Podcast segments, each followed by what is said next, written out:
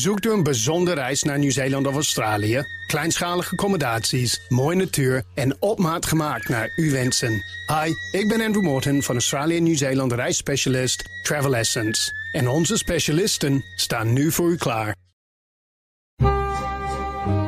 De Perestrooikast. Een blik op Oost-Europa.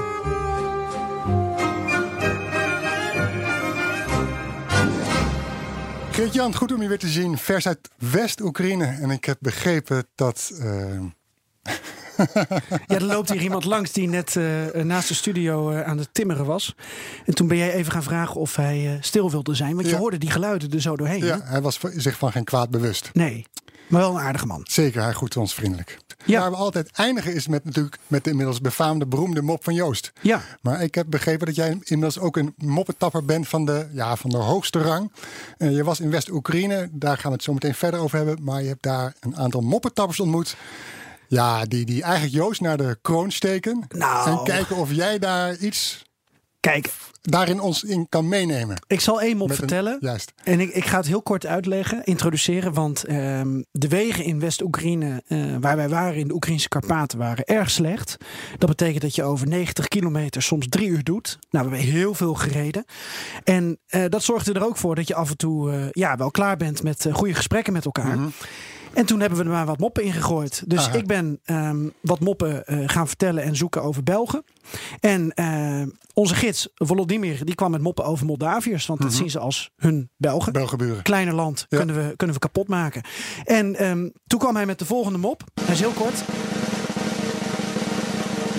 Waarom heb je vijf Moldaviërs nodig om een lamp ergens in te draaien?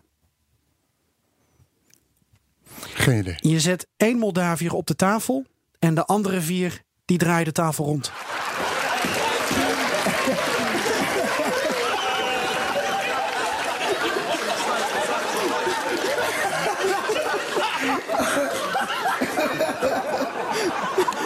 Ah, ja, ja, ja, ik heb hem, ik heb hem. Dit is, dit is een goeie. Ja, dat is een beste, dat is een beste. Ik ben benieuwd of Joost daaroverheen gaat aan het eind van deze aflevering. Gaat er een lampje branden? Ja, gaat zeker een lichtje branden. Heel goed.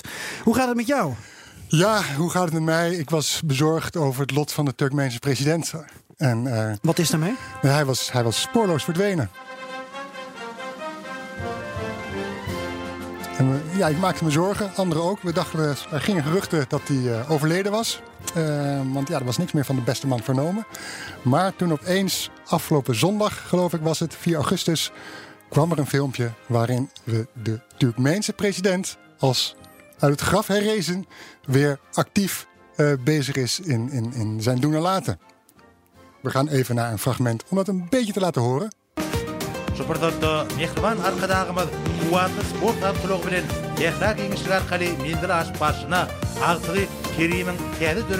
Tam En dan hebben we het natuurlijk over de pre- president met de prachtige naam Berdi Muhamedov. Dat kwam best wel vloeiend uit. Ja, toch? Daar heb ik eh, op Voornaam? gestudeerd. Eh, die weet ik eventjes niet. Daar heb ik daarvoor. Eh, volgens mij is dat eh Gurbanguly. Gurbanguly. ja, nee, ik neem het meteen van je aan. Goed, eh, hij is dus weer terug. Er kwam een prachtig fragment. Ik denk op het Turkmeense journaal. Een, een filmpje. Muhamedov. Oké. Ja, die onthouden we zeker. Een filmpje van ongeveer 20 minuten. En ja, alsof er niks aan de hand is, zagen we de beste man eh, in een jeep rondscheuren langs een soort van vlammende vulkaan. Hij ging bolen en gooide natuurlijk de ene strijken naar de andere. Hij zat trots op een paard en werkte in zijn werkkamer. Nam hij boeken, brieven door of tekeningen van kinderen. En ja, dus de- hij is weer helemaal terug aan het front, om het zo maar te zeggen. En of de beelden kloppen, dat weet ik niet. Maar in ieder geval, hij is er weer. En Turkmenistan kan rustig slapen. Ja, we hebben dat fragment van Bowlingstan hebben we gedeeld op onze Twitter. Ja, Daar was wel wat in gemonteerd. Want Ja, we zagen ja, de president ja. een bal gooien. En inderdaad de een na de andere strike. Maar het was geen vloeiend beeld. Het Nee, was redelijk haperend. eh, er was ergens geknipt. Dus Ja. misschien hebben ze daar de Turkmeense bo- bowlingkampioen daar neergezet om die ene strijk naar de andere. Of ze hebben eh, te gooien. Of ze hebben met de computer misschien eh, iets mee gedaan. Dat zou ook nog kunnen. Ja. Wat ook grappig was, was die elf, ik gok dat het tien mannetjes waren. Die daar soort als een bowlingmannetjes eh klaar stonden voordat hij ging, zelf een strike ging maken. Ja, deed me denken aan die figuurtjes uit uh, Sjaak in de chocoladefabriek. Kijk. film met Johnny Depp. Prachtig. Te vinden op eh, onze Twitter-account. Het Ja. En dan is het maar een klein bruggetje om je welkom te heten bij eh, BNR Perestrooikast. Het is alweer de zeventiende aflevering van de enige podcast van Nederland die volledig oog voor het oosten heeft. En ook deze broeierige zomer ja, hebben we gewoon weer van alles om over door te praten. Uh, zomerstop, daar doen we gewoon niet aan. Nee, dat, dat, zit, dat, dat zit, het kriebelt gewoon elk moment eigenlijk. En er zijn zoveel mensen die het lekker vinden om even in de auto of op het strand gewoon even wat informatie te krijgen. Met Tsjechië, geloof ik. Ja. Er was een, een luisteraar op Twitter die uh, rustig even geen zin had in zijn ouders en zich afsloot met. ik moet zeggen, er is meer interactie dan ooit op onze sociale kanalen. Tijdens de vakantie bedoel je? Ja, deze zomer. Ja, zeker. Ja. zeker. Er is tijd voor blijkbaar. Wat gaan we doen? Wat gaan we doen? We gaan uh, uh, naar het Russische protest natuurlijk, waar onze eigen moppetapper Joost, dat is bij de meesten waarschijnlijk wel bekend, werd opgepakt door de Moskouse politie. En uh, hij werd vrijgelaten met excuses. Straks horen we uitgebreider zijn verhaal en hoe het met de, zijn mede-arrestanten vergaat. En we praten met onze man in Midden-Europa, Michiel Driebergen. En hij legt ons uit hoe landen als Polen en Kroatië een nieuwe brain drain proberen tegen te gaan. En zoals gezegd, Geert-Jan is er weer. En hij was eventjes, liet eventjes zijn gezicht zien in Oost-Berlijn. Ja. En reisde toen verder af naar West-Oekraïne. Met de trein. Stond daar oog in oog met het berg, bergvolk, de Hoetsoelen. Spreekt dat goed uit? Ja, ik, ik heb een hele week lang Hutsels gezegd. Want ja, dat vond ik zo lekker klinken. verwarring, want zo begon je. Zo ging je weg. Ja, het is, het is geloof ik officieel uh, uh, Hoetsul. Hoetsul. Ja. Enkelvoud. Hoetsul. Ja. Maar goed, ja, dit is dan meer van. Je mag volgens mij ook Hoetsul zeggen. In ieder geval, wat we wel weten is dat alles ten oosten van de rivier de Elbe de komende weken, maanden, jaren in deze podcast besproken kan worden, inclusief alle moeilijke namen. En wat leuk is, is dat wij heel sociaal en democratisch zijn en dat je je ideeën kan inbrengen via Twitter, het Perestrooikast of mail ons op perestrooikast.bnr.nl. En uh, we hebben het inmiddels al bewezen, we doen zeker wat met je ideeën. Mijn naam is Geert-Jan Haan. En ik ben Floris Akkerman. En dit is BNR Perestrooikast.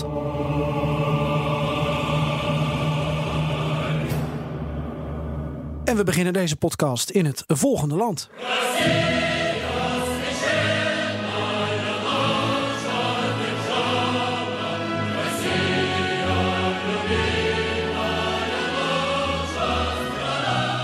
Met de leiders in de gevangenis is de Russische oppositie onthoofd. Desondanks gingen Russen afgelopen weekend in Moskou opnieuw de straat op om te demonstreren tegen de uitsluiting van oppositiekandidaten.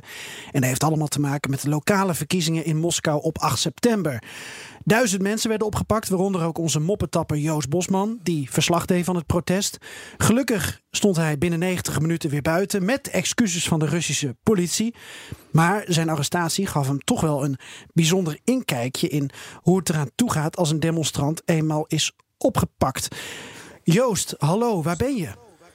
Ik uh, zit lekker weer thuis. En dat was eigenlijk al na twee uur het geval uh, afgelopen zaterdag. Uh, er is niet zo gek veel gebeurd hoor. Het was ook een beetje een storm in, een glas water. Dat wil zeggen, ik ben gewoon goed behandeld. En, uh, op het goed behandeld, als in? Dan... Caviar, nou, champagne? Ja, nou, dat nog niet. Maar ik, ik, uh, ze waren gewoon heel correct. En, en na twee uur uh, werd ik gewoon uit de groep gehaald. Die daar uh, van alles zat te ondertekenen en moest ondertekenen.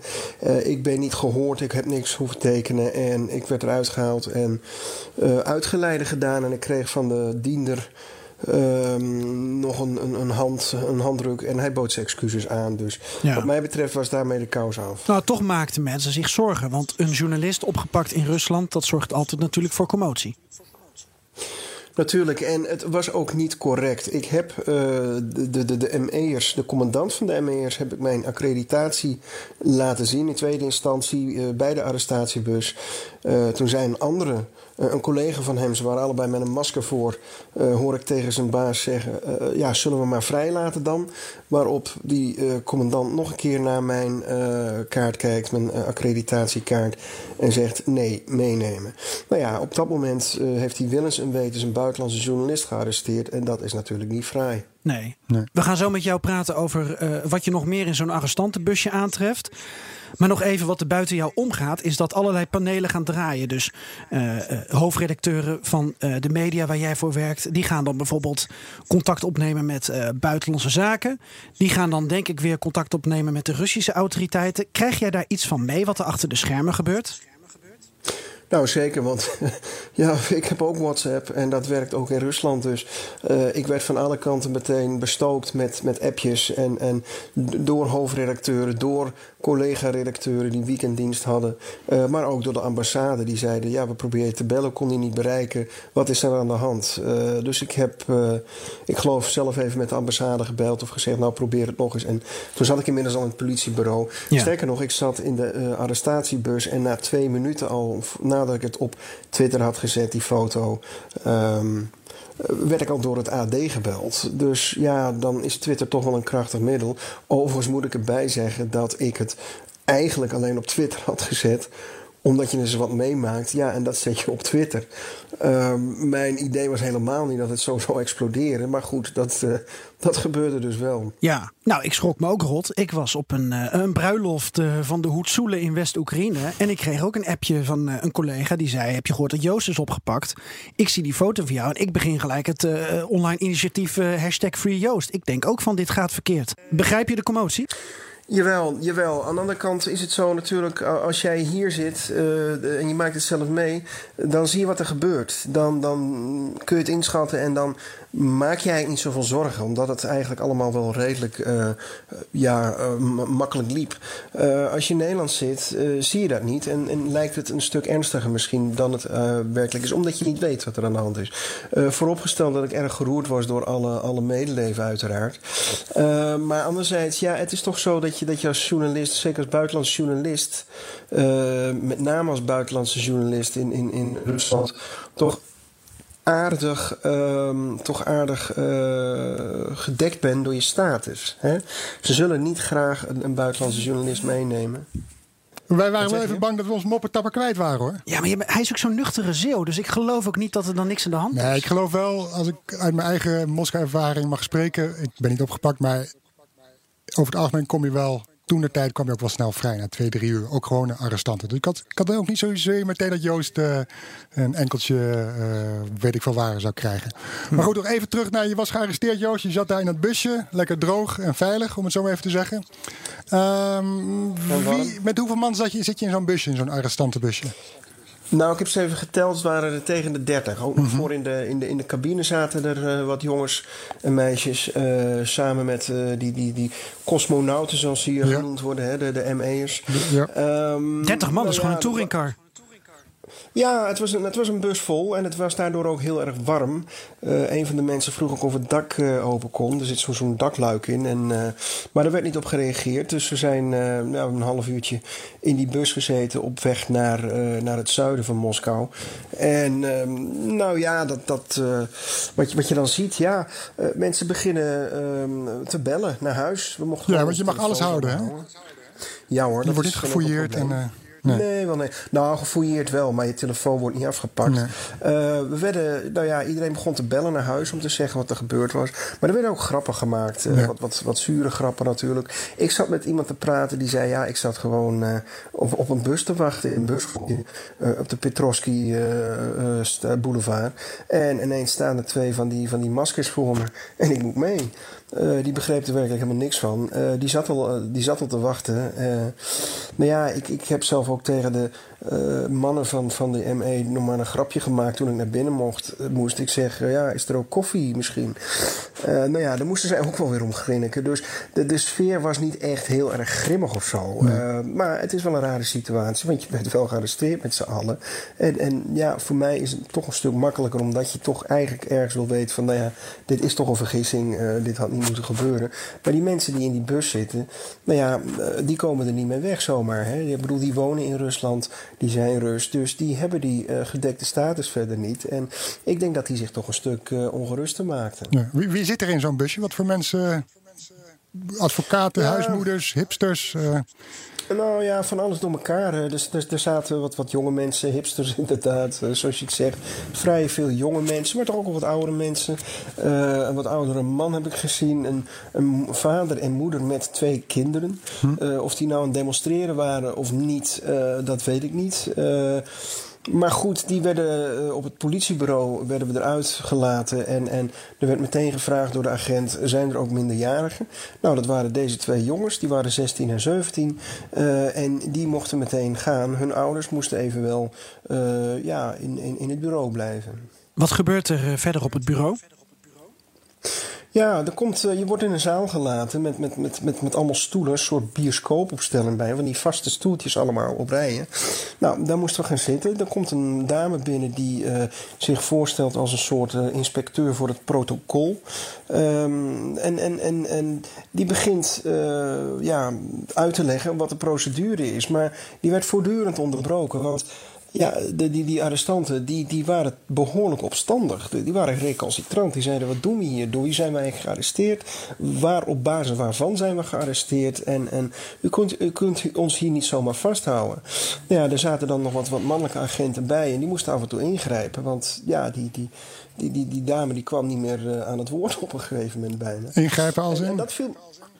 Nou ja, mensen tot rust manen. Want uh, ja, ze kon niet meer verder met haar uitleg. Mensen zaten zo te schreeuwen en te doen en, en, te, en, en haar uh, te interrumperen. En dat viel me wel op. De, de, de, de, de, de strijdlustigheid en de, en, de, en de recalcitrantie van deze mensen. Ze, ze, ze, lieten zich niet zomaar knollen voor citroenen verkopen. Mm -hmm. Zeiden, ja, we, we, horen hier helemaal niet. En nou, dat vond ik toch wel bijzonder om te zien. Ja, jij stond na twee uur buiten, zei je. En de anderen? Nou ja, die zullen er iets langer hebben gezeten. Ons werd beloofd dat we er met drie uur uh, weer vrij zouden worden gelaten. Uh, ik neem aan dat het bij die anderen inderdaad ook wel gebeurd is. Uh, maar die moesten wel allemaal, een, die kregen allemaal een, een persoonlijk gehoor, verhoor mm -hmm. buiten die zaal. En, en, en die moesten ook een, een verklaring opstellen waarom ze waar waren geweest. En uh, ook nog een document ondertekenen. Dus ja, dat, dat heeft toch wel misschien wat consequenties. Ik weet in ieder geval van twee jongens, die moeten morgen voorkomen. En die zullen horen of ze een straf uh, krijgen. Heb je enig idee op basis uh, waarvan dan? Want demonstreren mag in principe in Rusland. Nou ja, uh, het is een niet legale demonstratie geweest, zeggen de autoriteiten. En daar mag je dus niet aan meedoen. Als je dat wel doet, overtreed je de wet. Je hebt, het beroemde zelfs... artikel 31 uit de grondwet. Uit de Russische grondwet. Die, die is het recht, 31? Ja, die het recht ja, geeft om, om, om vrij bij elkaar te komen juist. en te vergaderen. Juist. Juist, maar nu is er ook een, een wet uh, 2, 20.1, denk ik, die zegt: nee, dat mag niet. Nee, dat is geen grapje. Nee, ik, dat zo, zo zie ik het ook niet als een grapje, maar dat. Enfin, ga door. ja, deze, en, en die wet zegt dus dat je. Die is, die is volgens mij in 2012, toen jij nog in Moskou was. Is die ingevoerd naar ja. aanleiding van de Bolotnia-rellen. De, de, de, rellen op het Bolotnia-plein. tijdens de uh, inauguratie. vlak voor de inauguratie van P president Poetin voor de, voor de derde keer. Die wet is toen ingesteld om, om dit soort uh, gigantische rellen uh, te voorkomen. En waardoor. die, die, die, die verscherpte wet ook. mensen die. Um, ja, mee, deelnemen aan dit soort, soort uh, uh, niet uh, geautoriseerde bijeenkomsten, die konden vroeger een boetetje krijgen of, of hooguit een dagje in het cachot. Maar tegenwoordig, als je echt in de organisatie zit van die rellen, of je hebt ze aangestoken, of, of, of je bent er echt actief in geweest, kun je tot 15 jaar gevangenisstraf krijgen. Mm -hmm. En hele hoge boetes, ik meen tot, tot, tot, tot 50.000 euro of zo. Ja, ja. Maar zo'n arrestatie maakt die mensen meer vastberaden om de volgende keer weer te gaan protesteren? Ja en nee. Enerzijds, um, het doel is natuurlijk van deze arrestaties om de mensen daarvan af te houden. Hè? Om ze bang te maken dat ze het de volgende keer niet weer gaan doen. Hè? Daarom worden ze ook streng gestraft. Daarom wordt er ook zo keihard ingegrepen. Maar ja, anderzijds, je maakt de mensen er wel veel bozer nog weer mee. Hè? Ze zijn uh, eigenlijk helemaal niks uh, verkeerds aan het doen. En, en vervolgens worden ze zo gestraft. Nou ja, dus ze willen van deze macht af. En deze macht doet hen dit aan. Dus ja, wat ga je de volgende keer doen? Je gaat het nog een keer doen, want je wil van die macht af. Um, ik, ik denk dat, ze, ja, dat het twee kanten op werkt. Enerzijds zal er een groep zijn die zegt: Nou, dit ga ik mij niet meer uh, permitteren. Dat kan ik me ook niet, want ik heb een gezin thuis, ik heb, ik heb kinderen thuis. Ik kan niet zomaar een paar dagen of een paar weken of een paar jaar zelfs in de gevangenis belanden. Mm -hmm. um, anderen zullen zeggen: Nou ja, we hebben niks meer te verliezen. En, en uh, die zijn alleen nog maar radicaler geworden. En die zullen toch uh, ja, gewoon door blijven gaan. Ja, we hoorden ook uh, de afgelopen dagen over uh, het voogdijschap van Een vader, van, een vader en een moeder, die hadden een eenjarig kind meegenomen naar de demonstraties. dat werd dan als een soort van kindermishandeling gezien. En die, die raken misschien hun, hun ouderschap kwijt. Dat is toch ook een, een vorm van afschrikken dat nu ineens dan wordt toegepast? Natuurlijk, natuurlijk. Uh, het, het, is ergens van de zot hè, dat, je, dat je ouders uh, uit de macht, ouderlijke macht wil ontzetten omdat ze een kind aan de leider van een demonstratie even hebben gegeven. Uh, vader was vanmorgen op de radio, die zei: Ik heb het kind alleen maar even afgegeven omdat ik even wat moest pakken. Of in ieder geval, hij, had even geen, hij kon het kind even niet hebben. En, en zelfs die, die leider van die demonstratie, die nam dat kind gewoon uit zichzelf even over. Dat had helemaal niks te maken, zei hij, met het dekking zoeken achter dat kind of zo. Zodat dat die leider niet gearresteerd kon worden. Dat is het verhaal van, van de autoriteiten. Maar uh, hij zei, ja, dat, was helemaal niet zo. En dit is dan toch ook weer een stap verder. Ja, ze gaan nu ook aan uh, kinderen van ouders afnemen. Uh, ja, waar, waar eindigt dit? Ja, hebben ze het idee dat het protesteren zin heeft? Nou, ik denk dat het voor velen, ja, uh, dat er niks anders op zit. Denken van, er is niks anders wat we kunnen doen. Kijk, uh, er zijn uh, oppositiekandidaten, daar zouden ze voor willen stemmen. En die worden collectief, worden ze, wordt, wordt hun registratie afgekeurd. ja, wat moet je dan nog? Dan, dan moet je op mensen van, van, van, van de, de, de regerende kliek gaan stemmen van Verenigd Rusland. Ja, daar zullen de weinige, mensen weinig ja, voor voelen. het alternatief is dat ze maar gewoon wegblijven bij de verkiezingen. Maar ook dat verandert niks. Dus ja, ik denk dat voor veel Russen, voor veel jongeren, Moscovieten in ieder geval op dit moment, uh, het enige is gewoon de straat op te gaan en je stem daar laten horen. Want iets anders kunnen ze gewoon niet doen. Is er nou een georganiseerde oppositie? Nou, eigenlijk, eigenlijk niet. En dat is altijd een beetje de makke in dit soort autoritaire regimes, uh, de, de, die er al lang zitten. Dat de, de, de oppositie ook vaak uh, geen vuist kan maken, te verdeeld is. Uh, we hebben in Moskou hebben natuurlijk, ja, we hebben Alexei Navalny, maar die zit vaak in de cel. Mag ook niet meedoen aan verkiezingen. die is op die manier toch wel redelijk effectief koud gesteld. Of hij, of schoon hij wel nog altijd met zijn fonds tegen de corruptie bezig is. Maar ook dat fonds is deze week aangepakt. Ja. Dat, althans, de, de autoriteiten willen het fonds gerechtelijk gaan aanpakken op, ik geloof, witwassen. Um, nou ja, daarnaast heb je nog, nog hier de, de, lokale oppositie, die uh, hè, opposanten als, als Dmitri Gudkov, uh, Ilya Yashin, dat zijn hele scherpe, heldere figuren.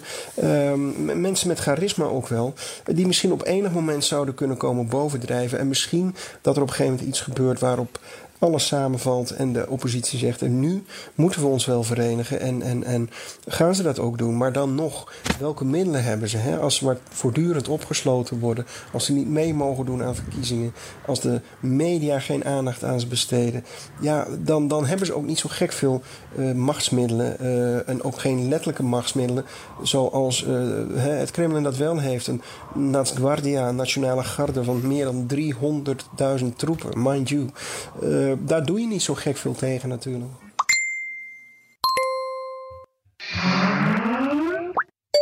Dat was Joost vanuit Rusland. En we gaan door naar uh, geen land, maar naar onze sociale kanalen. Want het is ons opgevallen, Floris, dat het druk is deze zomervakantie. Ja, waarschijnlijk vanuit uh, Copacabana of ergens uh, de Chinese muur of in de trein vanuit Siberië wordt het druk naar ons getwitterd. Met vragen, met opmerkingen. Echt, dat vinden we echt geweldig. Ja, veel mensen die in Oost-Europa ook op vakantie ja, zijn.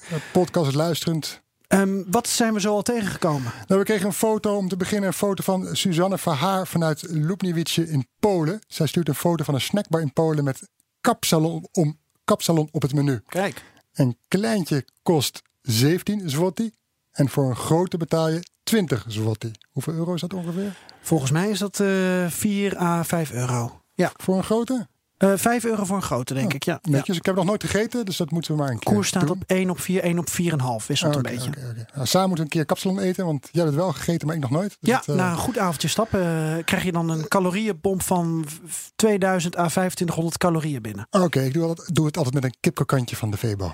Dat zal iets minder zijn. Ja. Um, de vraag van Suzanne is: is dit de meest oostelijke snackbar met een kapsalon? Nee, dat is het niet. En eh, dat, is, uh, dat weet ik uh, toevallig. En niet omdat ik zo goed in de wereld van de kapsalon zit. Mm -hmm. Maar omdat een collega van ons bij BNR, Nina van Rij... die heeft een tijdje geleden een reportage hierover gemaakt. Dat was vanuit Nepal. Daar heeft ze gewoond. -huh. En blijkbaar is de Chicken Kapsalon in Kathmandu een ongeëvenaard succes. En nu ik hierover nadenk, in Gdańsk, dat ligt oostelijker dan Lubniewice. Uh, daar heb je restaurant Kapsalon Pomorze. En daar kun je bijna echte kapsalon krijgen. Um, en dat zou dan mijn antwoord dus zijn. Dus uh, het is uh, leuk dat ze het heeft gezien, maar het is niet de meest oostelijke. Oké, nou misschien ligt er nog eentje verder dan Kathmandu. Wie zoekt, die vindt. Ja. Um, even geen luistervraag, maar eentje van jou, Geert-Jan. Um, ah. In de vorige podcast hadden we het over de Oekraïnse parlementsverkiezingen. En toen vroeg je me wat de verkiezingsuitslag is in het Oekraïnse stadje Belgorod-Nevstrovski. Nee, ik had het over Akkerman. Ja, je had het over Akkerman. Dat stadje heette in het verleden Akkerman. Um, dat heeft niet met jouw naam. Dat heeft niet meer mijn naam. In de helft van de 21e eeuw, of van de vorige eeuw, um, is die naam van Akkerman verhuisd naar Belgrad. Nevstrovski. Um, die naam Akkerman wordt nog steeds daar met liefde uitgesproken en ook door uh, veel mensen gebruikt voor bedrijven, voor radiostations of voor een krant. En de naam Akkerman verwijst naar het fort dat, dat je daar ziet liggen. En Ak betekent wit en Kerman betekent uh, fort. Nou, dit fort uit bedankt voor deze periode. E e etymologische ontleding, ja, ja, maar dat was niet mijn vraag. Nee, daar kom ik nog op. Ik was daar in de zomer van 2017 om te duiken in het leven van, uh, van de bewoners van Akkerman. Ja, dat weet ik ook En schreef daar de ene briljante reportage naar de andere. Dat wist ik ook. Kun je zien op mijn Twitter-account. Ja. En sindsdien is het mijn tweede huis. Het is een warm bad, Geert. Dit is echt de langste aanloop voor een uh, onbevredigend en antwoord. Het is mijn stille wens om burgemeester van Akkerman te worden. Akkerman in Akkerman. Ik zal ook de naam dan terug Nou, daar is vast geen vacature voor. Ja, let maar op, uh, want bij de parlementsverkiezingen die won, hoe kan het ook anders, de partij van Zelensky, dienaar van het volk. Ja. En als gevolg van deze uitslag stapte de zittende burgemeester op. Dus Oh. er is weer een vacature. Dus dit is misschien wel de laatste perestrooikast.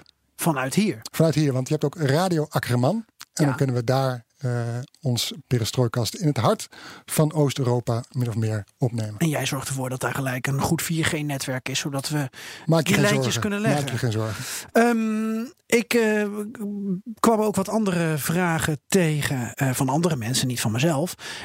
Jos Kusters die was namelijk benieuwd of we wat aandacht zouden willen besteden aan het Molotov en von Ribbentrop-pact. Want Mhm. dat is 80 jaar oud en nog steeds volgens hem relevant, want hij heeft uh, uh, Viborg uh, bezocht samen met Finnen, wiens voorouders door Stalin verjaagd zijn. Interessante historische voetnoot. Zeker. Um, en wij zagen ook een opmerking binnenkomen van de Litouwse ambassadeur in Nederland. Die volgt ons dus ook. Ja, eervol. En Vietmantas uh, Poerlies um, heeft het ook over het Molotov van Ribbentrop-pact. Uh, wat me niet verbaast, omdat de Baltische Staten toen uh, op 23 augustus 1939 uiteindelijk daardoor werden bezet. We krijgen nu ook een heel lang verhaal hoor, maar goed. Het was ook het uiteenvallen en de verdeeldheid van Europa die daar eigenlijk mee begon. Nee, maar waar de ambassadeur het ook over heeft, is 23 augustus 1989. Weet jij dat nog? Jij was? Ik was 12. En wat deed je toen? Uh, ik stond waarschijnlijk op het hockeyveld, een hockeykamp of zo. En uh, kan je je herinneren dat daar een heel klein zwart-wit tv'tje stond, de, wat toevallig de beelden liet zien van de menselijke ketting in de Baltische Staten? Nee, ik was aan het hockeyen en s'avonds waarschijnlijk een dropping of een of andere bosspel, stratego, levensstratego. Daar was ik ook niet mee bezig toen. Oké. Okay. Onbevredigend antwoord weer. Um, de ambassadeur schrijft dat op 23 augustus, dit jaar dus, hè, mm -hmm. um, uh, dat dan op initiatief van een Engelstalige uh, omroep in uh, de Baltische Staten tussen Vilnius en Tallinn 650 radio's tegelijk aan zullen gaan. En je weet misschien nog wel, de afstand van die Baltische weg was 650 kilometer. Vandaar 650 radio's toen. Uh, 30 jaar geleden waren het 2 miljoen bolten die zich aan elkaar vastklampten om de onderdrukking van de Sovjets op vreedzame wijze tegen te gaan. Nou, de artiest die dit in gang heeft gezet daar in veel nieuws, die roept mensen ook op om oude radio's te doneren. Uh, die naar het hoofdkantoor van die omroep LRT in Vilnius te brengen. En dan maakt hij daar een installatie van, 7 meter hoog, 9 meter breed. En die moet op 23 augustus s'avonds op het kathedraalplein in Vilnius dan aangaan. En dan horen we alle radio's hetzelfde uitzenden van 30 jaar terug. Lijkt me prachtig. Kijken of we daar geluid in onze volgende perestrooikast van kunnen meenemen. Uh, ja, en die installatie gaat op tournee langs allerlei dorpen en steden. Dus uh, uh, ja, dan kunnen we het misschien ook nog beluisteren. Tot slot, ik pak nog even een bericht van Isa Yusibov erbij. Je hoorde hem in aflevering 16. Hij was onze gast over Oost-Europese energiepolitiek. En hij heeft ons een foto gestuurd van zijn vader met niemand minder dan Joost Bosman. Of Joost Bosman, niemand meer, minder dan met de vader van Isa Yusibov. Wow. En die foto dateert uit begin 2004, 15 jaar geleden dus. En is gemaakt door een bijeenkomst van Amnesty over Azerbeidzjan. Wat weet jij hier nog meer van? Ja, de vader van Isa is Eldinas Yusibov. En uh, zij zijn naar Nederland gevlucht in 2003. En zijn vader was namelijk een prominent politicus uh, in de oppositie. En het gezin Yusibov voelde zich op een gegeven moment niet veilig meer in de regio Kabbalah. Waar zijn vader van Isa Eldinas gouverneur van was. Ze vroegen hier politiek asiel aan en deze foto's zijn dus niet veel later toen genomen. Oh ja, ik dacht dat het El Denis Eldenis was. Gouverneur Eldenis Yusibov. Uh, maakt niet zoveel uit, maar um, woont Eldenis, als hij inderdaad Eldenis heet, uh, nog steeds in Nederland? Ja, hij woont hier. Zijn zoon is inmiddels, uh, heeft een prachtige carrière als geopolitiek analist in Londen. En zijn, zijn vader dus woont dus nu in Nederland, heeft hij een leven opgebouwd. Hij wilde in 2015 nog wel terug naar het Azerbeidzjan om daar de begrafenis van zijn broer te wonen. Maar dat lieten de autoriteiten niet toe. Wat een uh, boel reacties. En eigenlijk zijn er nog veel meer. Ja, we kunnen um, nog wel even doorgaan. En niet alleen via Twitter, maar ook via mail. Kijk, ben je ook een luisteraar van de Perestrooikast? Uh, Twitter, Perestrooikast met een K voor de volledigheid. Want de Perestrooikast, dat zijn wij. En uh, ja, je vindt daar een hele discussie momenteel over hoe Oost-Europese voetbalclubs het tegen Nederlandse voetbalclubs zullen gaan doen. Ja, uh, Dynamo Tbilisi tegen Feyenoord. Ja. En waar ik me erg op verheug is Mariupol tegen AZ. En ze spelen weliswaar niet in uh, Mariupol, de stad daar dicht bij het front, maar in Odessa. Maar Mariupol is eigenlijk een fascinerende stad. Ik raad elke AZ-speler toch aan om die kant even op te reizen. En mogelijk Ajax-Karabach, maar dat gebeurt dan ook natuurlijk niet in Karabach, maar in Baku volgens mij. Ja, dat geloof ik ook, ja. ja. Maar dat weten we pas volgende week, dat laatste althans.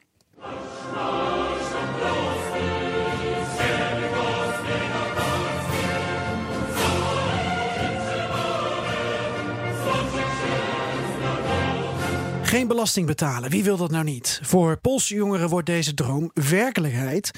Om de brain drain te stoppen betalen Polen onder de 26 jaar met een inkomen van 20.000 euro per jaar geen inkomstenbelasting meer.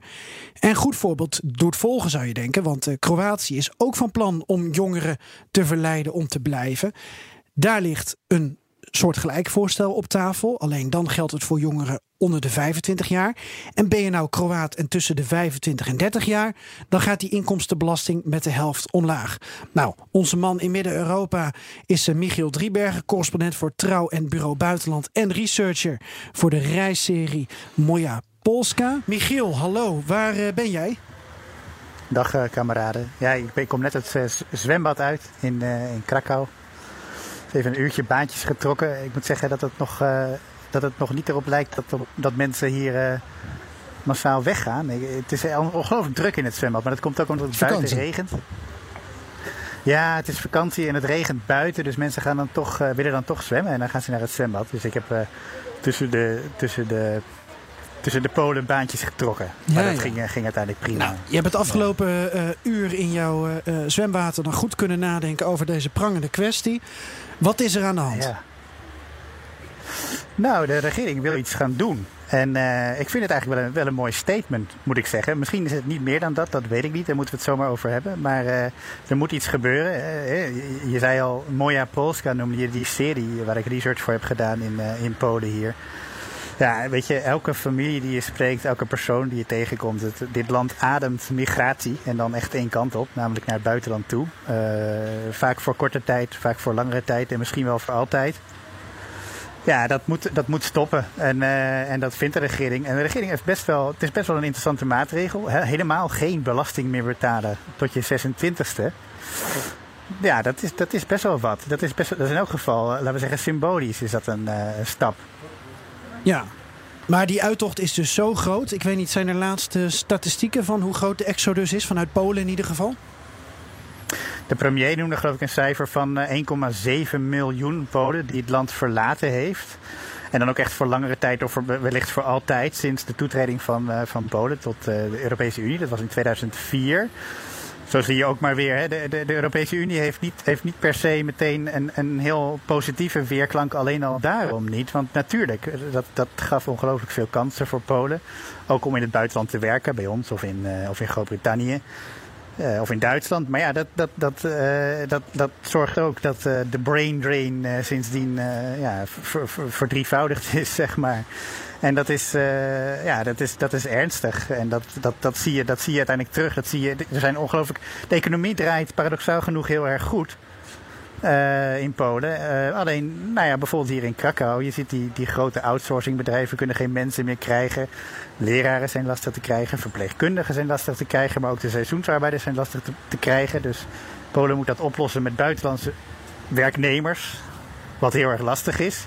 Ook al voor het beeld, hè, eh, dat, dat, deze, dat deze regering dan ook buitenlanders moet gaan aantrekken. Niet alleen Oekraïners, die zijn er massaal, maar ook mensen uit Bangladesh of uit de Filipijnen. Ja, de, de, de, de, Polen gaan naar het buitenland. Eh, Bijvoorbeeld, neem, neem de gezondheidszorg. Eh, dokters trekken massaal weg naar Duitsland. Dat is eigenlijk ook al sinds 2004 aan de gang. En de gezondheidszorg is daarmee eigenlijk in een deplorabele staat geraakt.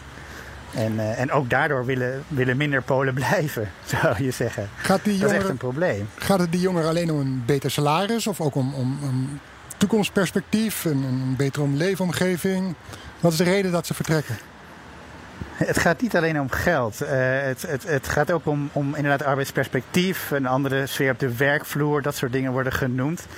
Ehm, maar ja, je, hebt, je hebt een beetje een standaard verhaal. is- Dan heb ik het niet over Krakau, zo'n grote stad, maar een wat kleinere stad in Polen waar je dat vaak hoort. Dan gaan ze vijf jaar na hun studie, hè, zijn ze 22, gaan ze naar, eh, naar Groot-Brittannië om daar te werken. Als ze daar vijf jaar hebben gewerkt, dan hebben ze de, de ouderdagsvoorziening van Groot-Brittannië. Die, daar hebben ze dan recht op. Eh, en ook na de brexit zal het overigens zo blijven. Althans met dit akkoord wat er nu voor ligt. Zo wordt de vraag of dat, dat gaat gebeuren zo, hè, op deze manier. Maar eerst vijf jaar werken in Groot-Brittannië. Dan wellicht terugkomen om een, om een gezin te stichten. En die stroom wil de regering dus stoppen. Dus die, die, uit, eh, ja, die uittrekkers, die uittocht vanaf meteen naar je studie naar het buitenland, ja, dat, dat willen ze stoppen. Alleen ja, de vraag is inderdaad, eh Floris, ja, gaan ze alleen voor het salaris weg? Natuurlijk niet. Kijk, de belasting is eigenlijk wel heel erg, niet zo, niet zo heel erg hoog. 18 procent was het voor ze. Nou ja, daar kunnen wij een puntje aan zuigen, denk ik, hè, als, we in, eh, in, als we het over Nederland hebben. Dat is niet zo vreselijk hoog. Eh, dus het is niet alleen salaris waardoor, waardoor jongeren wegtrekken. Het is ook, ook perspectief op toekomst en, en, en een perspectief op een carrière. En, en, eh, maar dit najaar zijn er verkiezingen, parlementsverkiezingen, als ik het goed heb. Ehm, is het hè, de, de Poolse regering met de conservatief-nationalistische partij PiS, als ik het goed uitspreek. ehm, is dit dan niet meer dan een verkiezingsstunt, verkiezingsretoriek? Of, of Ja, dat is het natuurlijk ook. En PiS is er heel erg goed in. PiS deelt cadeautjes uit. De oppositie heeft het over omkopen, kiezers omkopen. In mei bijvoorbeeld eh, kregen, kregen de gepensioneerden een maand extra pensioen. Zomaar baf erbovenop. en misschien, misschien komt dat nog wel een keer. Hè? Daar zinspeelde de regering op. eh, als jullie ons herkiezen. Dat is natuurlijk ja, de, de, de, de onderliggende boodschap.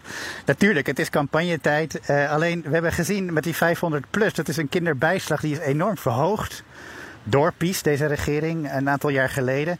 En dat is eigenlijk een hele goede maatregel, zeggen ook veel economen, om de armoede aan te pakken. En het is eigenlijk voor het eerst dat een regering dat doet.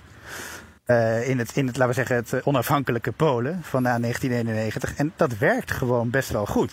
Het werkt in heel veel opzichten ook niet zo goed.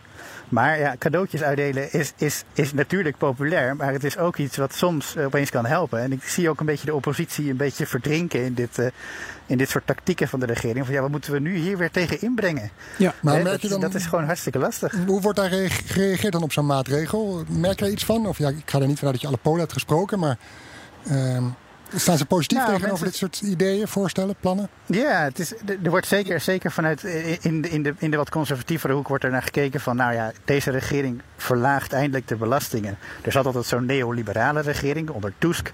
En die, die hadden het altijd wel hun mond vol om, om hè, belastingen te verlagen, et cetera. Ja. Maar dat deden ze maar niet. En deze regering die doet dat zomaar.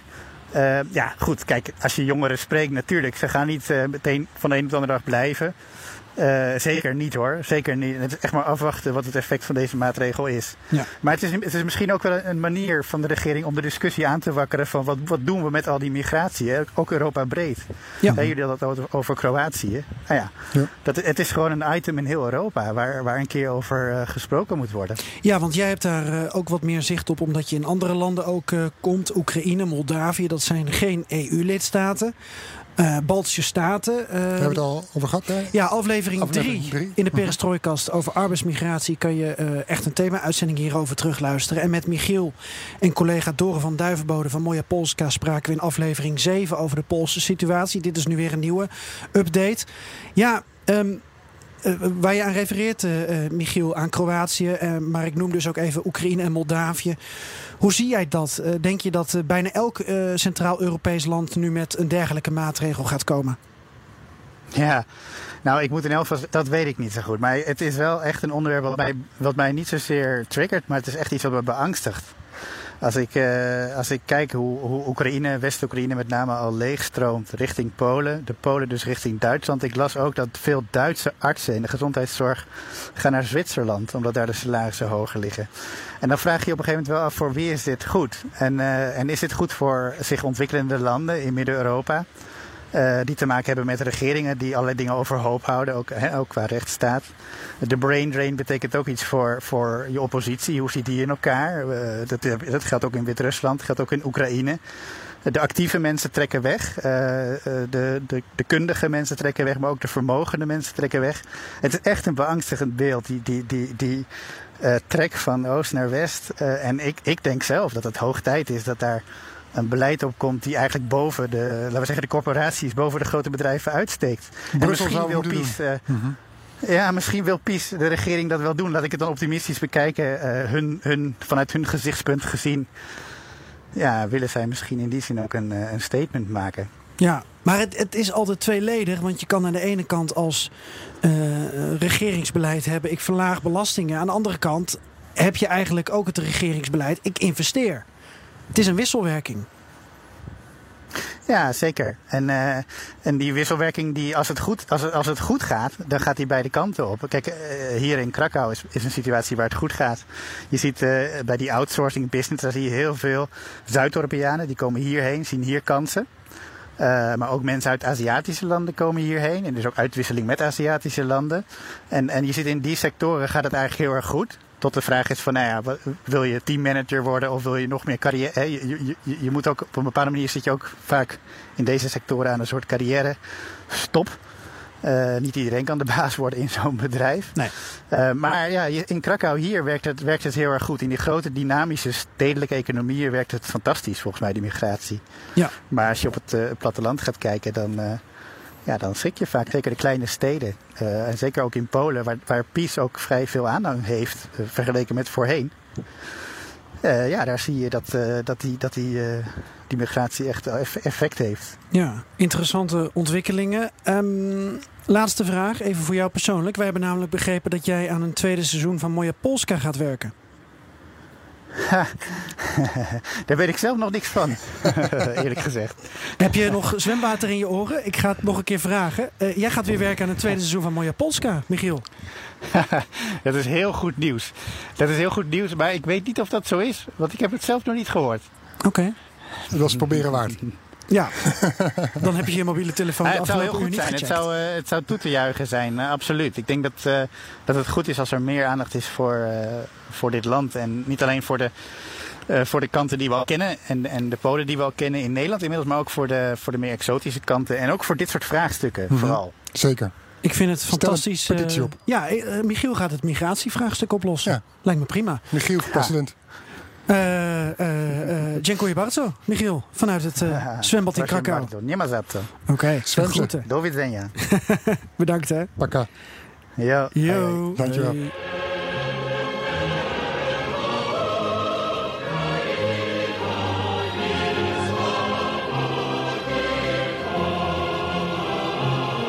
Ja, we hebben het in kort al in het begin even over gehad. Geert-Jan, jouw fenomenale reis naar eh, de Oekraïnse Karpaten. En daarbij in de wereld van de Hoetsoelen gedoken. Ehm, Je kijkt alsof het een enge ziekte is. Nee, omdat je het eerst uitsprak anders dus. Dus ik moet me even voorbereiden of eh, goed concentreren op die naam, Hoetsoelen. Nee, lijkt me prachtig. Eh, ik had nog nooit van het etnische volk gehoord. Ehm, vertel me eens, ehm, hoe zijn die daar terechtgekomen? Via omzwervingen of zijn ze daar altijd zo, hebben ze daar altijd zo geleefd? Ja, sowieso via omzwervingen. Want het is een voormalig eh nomadenvolk. Ehm, een bergvolk, heuvelvolk, zoals je wil. Want het zijn ook geen gigantische bergen daar in de Karpaten. Eigenlijk zijn het de Beskiden. En ehm, als ik helemaal bij het begin zou beginnen, dan komen ze oorspronkelijk eh, vanuit de regio Mongolië uh, na de uh, invasie, de tijd van Genghis Khan. Mm -hmm. um, er wordt ook gedacht dat ze voor een deel uit India komen, omdat enkele dorpen in Hoedselland, noem ik het even, in West-Oekraïne, een, een, naam hebben met een oorsprong die waarschijnlijk komt uit het Sanskriet. Mm -hmm. Want allerlei taalkundigen hebben zich erover gebogen. En bijvoorbeeld het dorp Kosmach, waar ik ben geweest. Ja, die hadden geen idee welke herleiding tot Oekraïens of Russisch of Pools of Roemeens of uh, Roeteens uh, ze konden hebben. En toen kwamen ze erachter, ja, het is waarschijnlijk Sanskriet. Dus dan moet dat nomadenvolk ook voor een deel ooit uit de buurt van India zijn gekomen. Mm -hmm. Heel interessant. Maar zien ze ook Aziatisch uit? Nee, het, Gewoon ze, zeg ze maar. zijn geassimileerd. Mm -hmm. uh, ze zijn echt redelijk opgegaan in uh, de West-Oekraïnse gemeenschap. Um, praten uh, Oekraïens met een sterk dialect. Er zitten wat Poolse woorden bij. Ik kon ze op zich redelijk verstaan, maar met name de ouderen toch wel wat minder. Ja, en je hebt uh, daar uh, ook de Lemke, de Boyke, de Roetenen, um, mm -hmm. etnische volken. En uh, ja, de, de Hoedsels, dat, zijn, dat is een soort etnische subgroep. Misschien wel van de Roetenen, zeggen sommigen. Anderen zeggen vanuit Oekraïne. Er zijn er in ieder geval nog een enkele tienduizenden in West-Oekraïne en enkele duizenden in Roemenië. Dat grenst aan elkaar. Um, dus dat is ook eigenlijk, als daar geen grens zou zijn, gewoon één Hoedselland. En wat zie je terug aan het, aan het Hoedselland van een typische manier van leven? Wat wij hebben gezien, want wij hebben daar uh, een week uh, rondgereden. Vanuit Lviv begonnen. En dan ga je vanuit de stad dus eigenlijk over hele slechte wegen de heuvels in. En dan zie je al snel onderscheid in uh, architectuur en houtsnijwerk. Je ziet onderscheid in klededracht. toch ook wel dus een beetje in taal. Muziek. Heel artistiek, creatief volk is het. Um, ik kan je misschien en de luisteraar wel helpen als ik je dit even laat horen.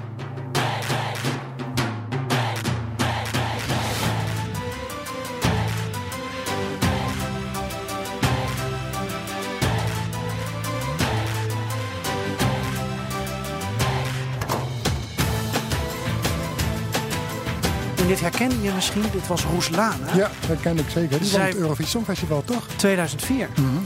En haar vader was een hoedsel. En uh, we kregen ook via Twitter een reactie, of ik kreeg een reactie van Mark Jansen. Uh, een uh, van de Ruslandkenners van Nederland. Oekraïne ook, hè, natuurlijk. Ja, een Oekraïne-kenner, pardon. Ja, die had ook een verwijzing daarnaar. En dat was wel interessant, want die had het ook over van ja, wat, wat dans zij wilt, dansen de hoedsels ook zo wilt. Mm -hmm. Nou, daar heb ik even nagevraagd. Dat was niet zo. Okay. Maar um, uh, er zit wel uh, passie in. En er zijn dus verschillende manieren. Um, uh, er wordt nog ouderwets, nou wel met machines, met naaimachines wordt kleding bewerkt. Maar met hoedsel, borduurwerk wordt dat gedaan. Met die motieven, met die patronen. Um, ja, dit was dus een muzikaal voorbeeld. Je hebt een, een, een instrument, de trembita. Dat is een soort alpenhoorn. Dat is een van de langste instrumenten ter wereld. Drie meter lang. En dat is een klassiek hoedselinstrument. En zo zijn er meer. En ik ben bij een bruiloft geweest. -hmm. En daar was dus de Hoedselband. En daar werd dus met die muziek, uh, zowel qua instrumenten als qua soort muziek, tegen gebracht. Ja, en, en, moet ik dit volk als een soort uh, ja, minderheidsvolk zien? Of, of hebben ze. Uh, hoe, hoe, hoe verhoudt zich dat? Ja, ik weet niet precies wat je met minderheid bedoelt. Ja, etnische minderheid dus. Maar hebben ja, ze, dat is het sowieso. Ja, precies. Maar hoe zit het met hun rechten en plichten? Of hoe worden bepaalde, wordt een cultuur beschermd? Of, of ja, dat is wel interessant. van de taal? Um, de, er zijn meer initiatieven dan ooit. Maar er zijn ook alweer kinken in de kabel. We hebben natuurlijk dat dit jaar, 30 jaar geleden, is dat de Sovjet-Unie uh, eindigde. En zij hebben in West-Oekraïne heel veel last gehad van uh, onderdrukking. Uh, van de Sovjet-Unie, van het communisme konden al 91. die tijd. Uh, 91? Ja, 89 uh, was de val van de muur. Begon het een beetje. Ja, 91. Je hebt gelijk. Ja, ja. Moet, moet correct zijn. Ja, ja zij hadden het correct. zelf ook wel meer over 89. Dus ik denk dat er al iets van. Um, ontwikkeling daar in het Westen natuurlijk in zat. Anders ja. natuurlijk. Uh, uh-huh. En dat is ook wel belangrijk, want um, ik kreeg de indruk dat West-Oekraïners en Hoedsoelen eigenlijk heel goed samengaan. Omdat ze eigenlijk in de Sovjet-Unie een soort gezamenlijke vijand hadden. Mm -hmm. Sovjet-Unie Uh, daarin was uh, bepaalde religie niet toegestaan. Uh, en werd ook cultuur eigenlijk onderdrukt. Dus ze zijn een soort van underground gegaan. En ik heb een paar mensen gesproken die voorbeelden hadden. Een vrouw die de pisanki schildert, de paaseieren. Dat is echt een cultuur daar ook in de buurt van Colombia. En die vertelde dat ze regelmatig de paaseieren die ze had geschilderd... moest verstoppen onder de houten planken. Want er zaten in Kosmars, dat dorp, heel veel KGB-spionnen, officieren. Die kwamen er eigenlijk ook gewoon vooruit dat ze voor de KGB waren, wist iedereen. Ja, die moest je niet in je huis hebben als je daar paaseieren had liggen. Want het was een uiting van de cultuur. En zo zijn er meer uh, voorbeelden. Uh, een man die ik heb gesproken die de instrumenten maakte, Trembita. Bogdan um, en Bogdan Kostjuk. Die vertelde hoe hij elke keer als iemand binnenkwam een KGB'er bijvoorbeeld, hoe hij dan snel probeerde om uh, Lenin uh, weer uh, op te hangen. In plaats van de orthodoxe mm -hmm. ja, reliquieën, zeg maar. En deze man, Bogdan, vertelde mij nog wel een verhaal waar ik me over verbaasde. Ehm, Partij van de Regionen van Janukovic. Mm -hmm was tot 2014 aan de macht. En deze man vertelde dat uh, hij uh, begin eh, van dit decennium bezoek kreeg van partijgenoten van Janukovic. Die hem eigenlijk dwongen om, ja, ik weet niet eens meer wat, maar het een en ander wilde opleggen. oh ja, om op hem te stemmen, om op Janukovic te stemmen. En hij werd zwaar onder druk gezet. En dat gold voor meer dorpsgenoten. Uh, hij weigerde ook om posters op te hangen. Bij zijn... Wat is onder druk zetten? Um, nou, dat ga ik je nu vertellen. Omdat uh, Bogdan weigerde om posters op te hangen, pamfletten hè, mm -hmm. van, van stem op, je, op mij, stem op Janukovic. Werd uh, zijn huis in brand gezet. Hm. En dat is wonderwel op tijd uh, door hem geblust. Maar het geeft me aan wat voor rare praktijken er af en toe mm -hmm. nog -hmm. hebben plaatsgevonden. Um, dat zijn vormen van onderdrukking die je nu bijna niet meer ziet. Um, er werd toevallig afgelopen week in het Oekraïnse parlement uh, aan uh, president Zelensky een vraag gesteld over uh, wat gaat u doen aan de infrastructuur in Oekraïne. En toen was er een burgemeester vanuit Kosmars die hem ook die vraag heeft gesteld. Wij willen meer geld. want wij liggen zo afgelegen in die Karpaten en wij voelen ons toch een beetje, ja, we voelen wat minachting. Mm -hmm. Heel interessant. Ja, en ze leven daar hun eigen leven. Wat mij tot slot opviel, is dat de jongeren eigenlijk voor een opleving van de cultuur zorgen. Die zijn heel erg bezig met die muziek en die uh, architectuur en alles weer uh, in ere te herstellen. Maar doen dat wel op hun eigen manier, namelijk met de smartphone erbij en met Instagram. Ja, maar zo hoort het ook. Dus die bruiloft waar ik was, die kan je volledig terugzien op de sociale kanalen. Oké, okay. nou stuur maar een filmpje door.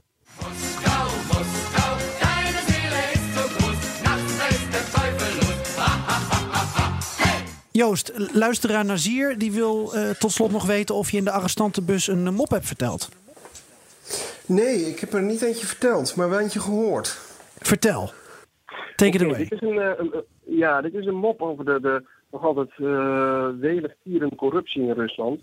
Donald Trump en Vladimir Poetin spreken af om uh, bij elkaar op bezoek te gaan. En Poetin bezoekt eerst Amerika. Hij zegt niet te verstaan. Trump en, Trump en, en, en Poetin zitten ergens in Washington in een chic Zit hij weer in de arrestantenbus? Poetin aan, uh, aan Trump. Zeg, uh, Vladimir, uh, wat kosten eten wij hier eigenlijk? Waarop Donald Trump zegt, nou, Vladimir, zie je dat die shoppingmall daar? Ja, zegt Poetin, die zie ik. Hij zegt, nou, daar zitten winkels in, daar komen mensen naartoe. Die kopen spullen. Die winkels, die verdienen geld aan. Die betalen van dat geld belasting aan de staat. En het staatsbudget heeft een, een deel daarvan wordt uh, aan, aan staatsbezoeken als dit uh, uitgegeven. En daarvan eten wij op dit moment. Oké, okay, zegt Poetin. Ja, ik begrijp. Nou ja, goed. Een paar maanden later is uh, de beurt aan Trump om Moskou te bezoeken. En ze zitten in een chic restaurant in Moskou. En ineens vraagt Trump, die stelt dezelfde vraag aan Poetin. Vladimir, op wiens kosten eten wij hier eigenlijk? En dan zegt Poetin, nou uh, Donald, kijk eens uit het raam. Trump kijkt uit het raam, hij zegt, zie je die brug daar? En Trump kijkt, nee, zegt ik, ik, zie geen brug, waar dan? Nou, precies, zegt Poetin. Op die kosten eten wij hier dan.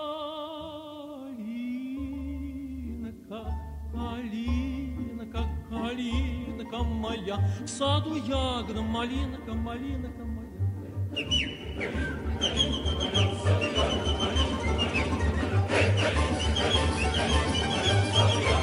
hey, hey, hey,